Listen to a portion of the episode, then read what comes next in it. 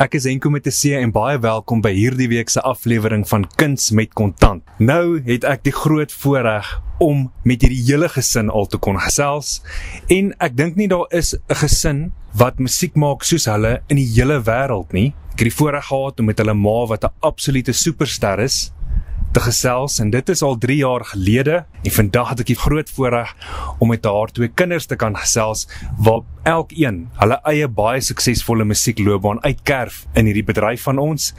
Roan Josh, Franja, baie welkom op Kuns met Kontant. Baie dankie, dis lekker om saam met jou te kan kuier vandag. Net so onder die vars lig. Ja.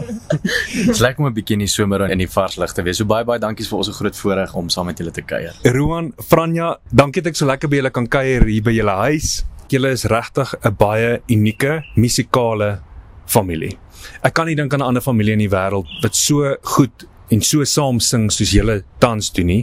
Roan, waar het dit vir jou begin? Ek is seker julle ma was vir julle baie groot voorbeeld. Ek bedoel sy was 'n baanbreker in die Afrikaanse sangbedryf. As 'n mens kyk na haar lang loopbaan, sy was een van ons gaste hier op Kuns en Kontant, een van die gewildstes.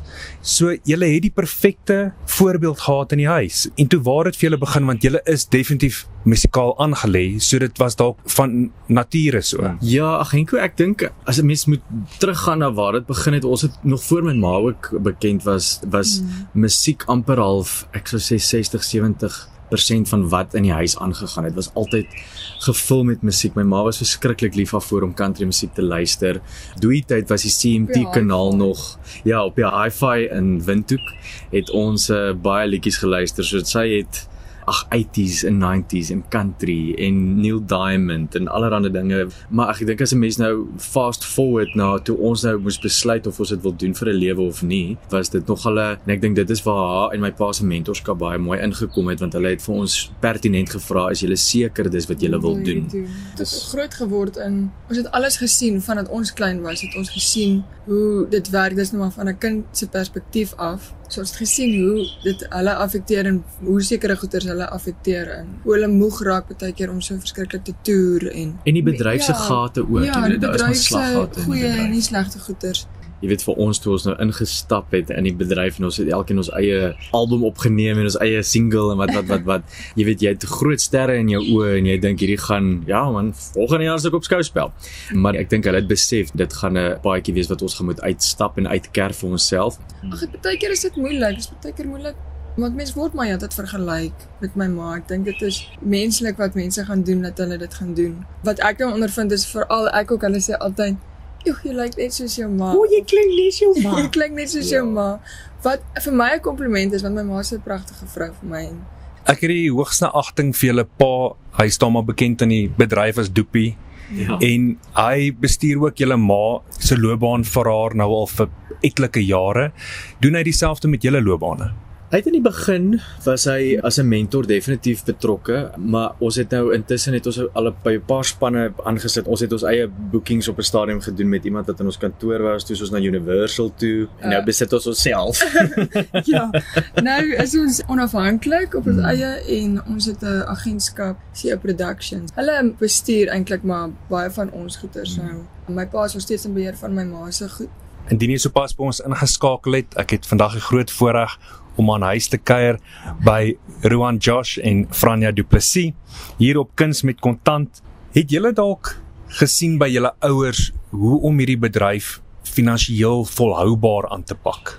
Is daar baie lesse wat julle by hulle geleer het oor hoe om julle elkeen se aparte sangloopbaan in hierdie bedryf finansiëel volhoubaar te doen? Ek dink die grootste les wat ons by hulle geleer het is juist dit waar ons osself nou bevind is besit jouself. So as jy jou eie inhoud kan vervaardig en jy betaal self daarvoor en jy kan jou eie meesters besit, is dit die beste manier om 'n lewensvatbaarheid uit jou loopbaan uit te kry. Maar hulle het dit in die begin nie gedoen nie. Want dis vir altyd. Jy weet as jy nou 'n liedjie het wat goed doen, hy gaan nie noodwendig oor 10 jaar van nou af nog steeds so goed doen soos wat hy nou doen nie, maar jy gaan nog steeds 'n uh, inkomste uit hom genereer 10, 20, 30 jaar van nou af. Hmm. En as jy een van die gelukkige kunstenaars is wat 'n baie sterk katalogus kan opbou in jou loopbaan, gaan jy van daai inkomste strome af kan lewe as jy 60, 65 is.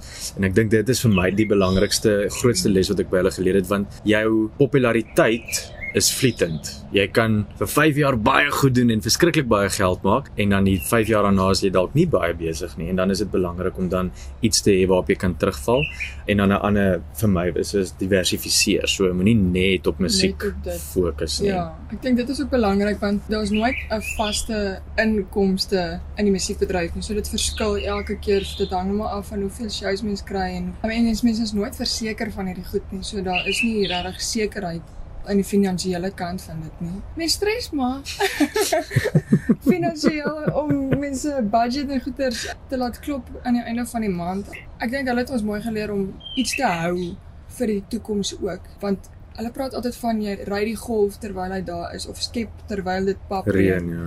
En dan want die mense is nooit verseker dat dit vir ewig so gaan wees nie. So ek dink as mens so goed doen en so op so 'n plek is, is dit belangrik om dan iets te doen met daai inkomste Mm. wat jy kry. Iets anders as die musiekbedryf. Ja. Besluit om iets anders op te hê. wat nou in ons voordeel tel en ek dink dit is nou jy weet toe ons nou jonger was ons nog nie gesing nie sy het by Berkeley California gestudeer om 'n vervaardiger te wees so Mm. wat min mense weet is sy het ons hele sing country album met sy vervaardig soos wat sy hier sit met haar skaamlaggie en sy het my nuwe album met sy dink 95% het sy vervaardig sy het Takana het sy self vervaardig so sy's baie talentvol en dit is nou weer 'n vorm van diversifisering binne-in jou Ja. nering en binne-in dit waarvoor jy lief is so as sy dalk nie meer kan optree of kan sing eendag nie sal sy altyd dit hê om op terug te val 'n uh, briljante liedjie skrywer. So ons het maar net geleer om as jy kan soveel fasette as wat jy kan bestuur in jou loopbaan, doen dit. Want dan is jy nie afhanklik van iemand se goedkeuring vir 'n begroting. O, jammer, jy val nou nie in hierdie maand se begroting of in hierdie jaar se begroting nie. Ons kan nie vir jou iets uitbring nie. En dan staan jy stil, dan stagneer jou loopbaan. Ons het maar net van jongs af het ons het besluit ons doen alles self. So ek is uh, weer aan die die kreatiewe kant met die musiekvideo's en die bemarking is ek weer aan stuur van sake en ek doen ook al ons digitale verspreiding self. Ek So sal die musiek maak en dan kan jy ek verkoop dit sy maak dit. Is iets soos tantieme 'n werklikheid of is dit net 'n droom? Is dit pie in the sky of is jy iemand wat werklik tantieme invorder en verdien wanneer julle liedjies gebruik word en gespeel word? Ek vra die vraag want van 'n vorige gas hier op Kuns en Kontant het vir my gesê dat dit realiseer nie, hulle sien dit nooit nie. Dit lê ergens in iemand se kantoor weggesteek en jy kry dit nooit Of nie. in Ja. Dubai. Ja. Ja, ag ek is ek gaan net maar die vraag antwoord omdat ek met dit werk vir ja, ons almal. Lank terug het ek al besef dat kunstenaars en skrywers nie besef hoeveel tantieme daar lê wat nie ingevorder word nie en dit is letterlik net bloot oor twee redes. Dis een, 'n totale wanadministrasie van die organisasies in ons land en tweedens onkunde. En daar's mos 'n skrif in die Bybel wat sê my volk gaan ten gronde as gevolg van dat hulle nie weet nie. So ek het myself maar probeer leer hoe werk dit, waar gaan kry mens wat, hoekom gaan kry mens wat. Ek moet vir jou sê, ek kan nie 'n bedrag noodwendig koppel nie want as jy nie 'n liedjie het wat baie goed doen of baie op radio's gespeel word of op TV nie, gaan jy nie so baie kry nie. Maar as ek nou moet vergelyk, tantieme vir ons, sy wat so baie liedjies skryf en wat actually goed doen, sy sal baie maklik deur 2-3 maande in 'n jaar kan kom net uit tantieme uit. Maar dit is jou verantwoordelikheid om te gaan soek vir dit en te weet waar lê dit. En as jy verantwoordelikheid daar sit en sê nou maar na Samrou toe gaan of Sampra toe gaan en sê hoorie ek soek my staat, ek wil graag kyk en dan dan moet hulle dit vir jou gee, maar as jy nie gaan vra nie, gaan hulle dit vir jou gee nie. Dis waar die hak kom. As jy nie vra nie, dan maak hulle gooi hulle hulle hande op en sê maar niemand het gevra nie. Dit lê in 'n pool en daai pool word elke 5 jaar word dit uitbetaal aan 'n pro rata aan die grootste skrywers. Jy het nou nog gesê dat 'n mens moet diversifiseer. Is daar iets anders wat jy doen as jy nie musiek doen nie? En my goeders is eintlik alles met musiek te doen. Aan die vervaardiging, alles. Dit is nog steeds musiek maar 'n ander vorm van musiek. Dit is nou die maak van die liedjies. Ons het al baie goed probeer. Biltong by die ons mark het al biltong probeer verkoop wil die mense nie eens proe nie. Ons grap regtig. ja, dit was Ek- regtig so. Ek het sy vroegoggend opgestaan ons by die boeremark gaan staan. Ons het pakkies biltong gehad wat ons verpak het met 'n stiker op en sy het mieliebrood. En melktert. Ja. En ons het die oggend by die boeremark gaan staan hier in Pretoria en niemand wou eers die biltong proe nie. Toe het een van ons vriendinne agter hulle aangehardloop want Broene. proe nie, hoekom wil hulle nie proe nie? Mense wou net nie. So ons het toe nou vinnig agtergekom dit is nie iets wat ons moet doen vir 'n lewe nie. Ja, ja. Daai deure gaan toe. Dit gaan nie oop nie. Met goeie redes. Ja. Maar ja, aan my kant ek is baie lief vir boer, so ek sal baie graag dit wil meer doen en verder vat in die toekoms. So ek het nou so 'n seisoen deurgegaan waar ek met peppers en bietjie boerbokke geboer het. Die boerbokke het nie so great gegaan nie, maar die peppers het baie goed gedoen. So ek sal baie graag wil aangaan met dit en bietjie groter skaal in die toekoms doen, maar vir eers fokus ek op musiek. Ja, ek dink ander goed wat ek doen is soos ek hou baie van grimering, so ek ja baie keer met video shoots en fotosessies met grimering. So ek dink ek sal definitief in daai rigting dalk nog in die toekoms hmm. verder uitbrei en baie goed. die skoonheidsrigting is my baie is my lekker. Ek maar sit ons niggie het en al die strooi meisies het sy gegrimeer vir 'n Ja. troue. Daai twee bruide alleen is al vir jou genoeg bemarking. Hulle moet net die woord daar buite sit. Ja, ek moet net tyd kry vir dit want dit is gewoonlik oor 'n naweek en dan show. Het julle as kinders baie op die pad spandeer? Want julle is 3 kinders. Mm. Luisteraars besef dit nie dalk nie, maar julle het 'n broer wat homself nie so pens en poetjies in die musiekbedryf gegooi het soos julle nie. Ja. Ja. Mario is Franja se tweelingboetie. Ek is die oudste en dan Mario is uh, Franja se tweelingboetie en my boetie.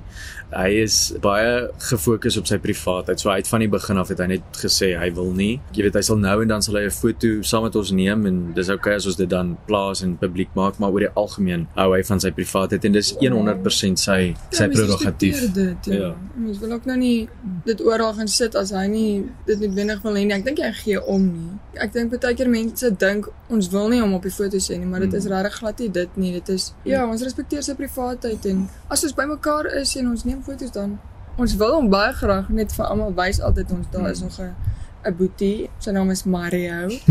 en um, ja, ons is drie Vernoem na kinders. Maria. Ja, ons is drie kinders en nie net twee nie.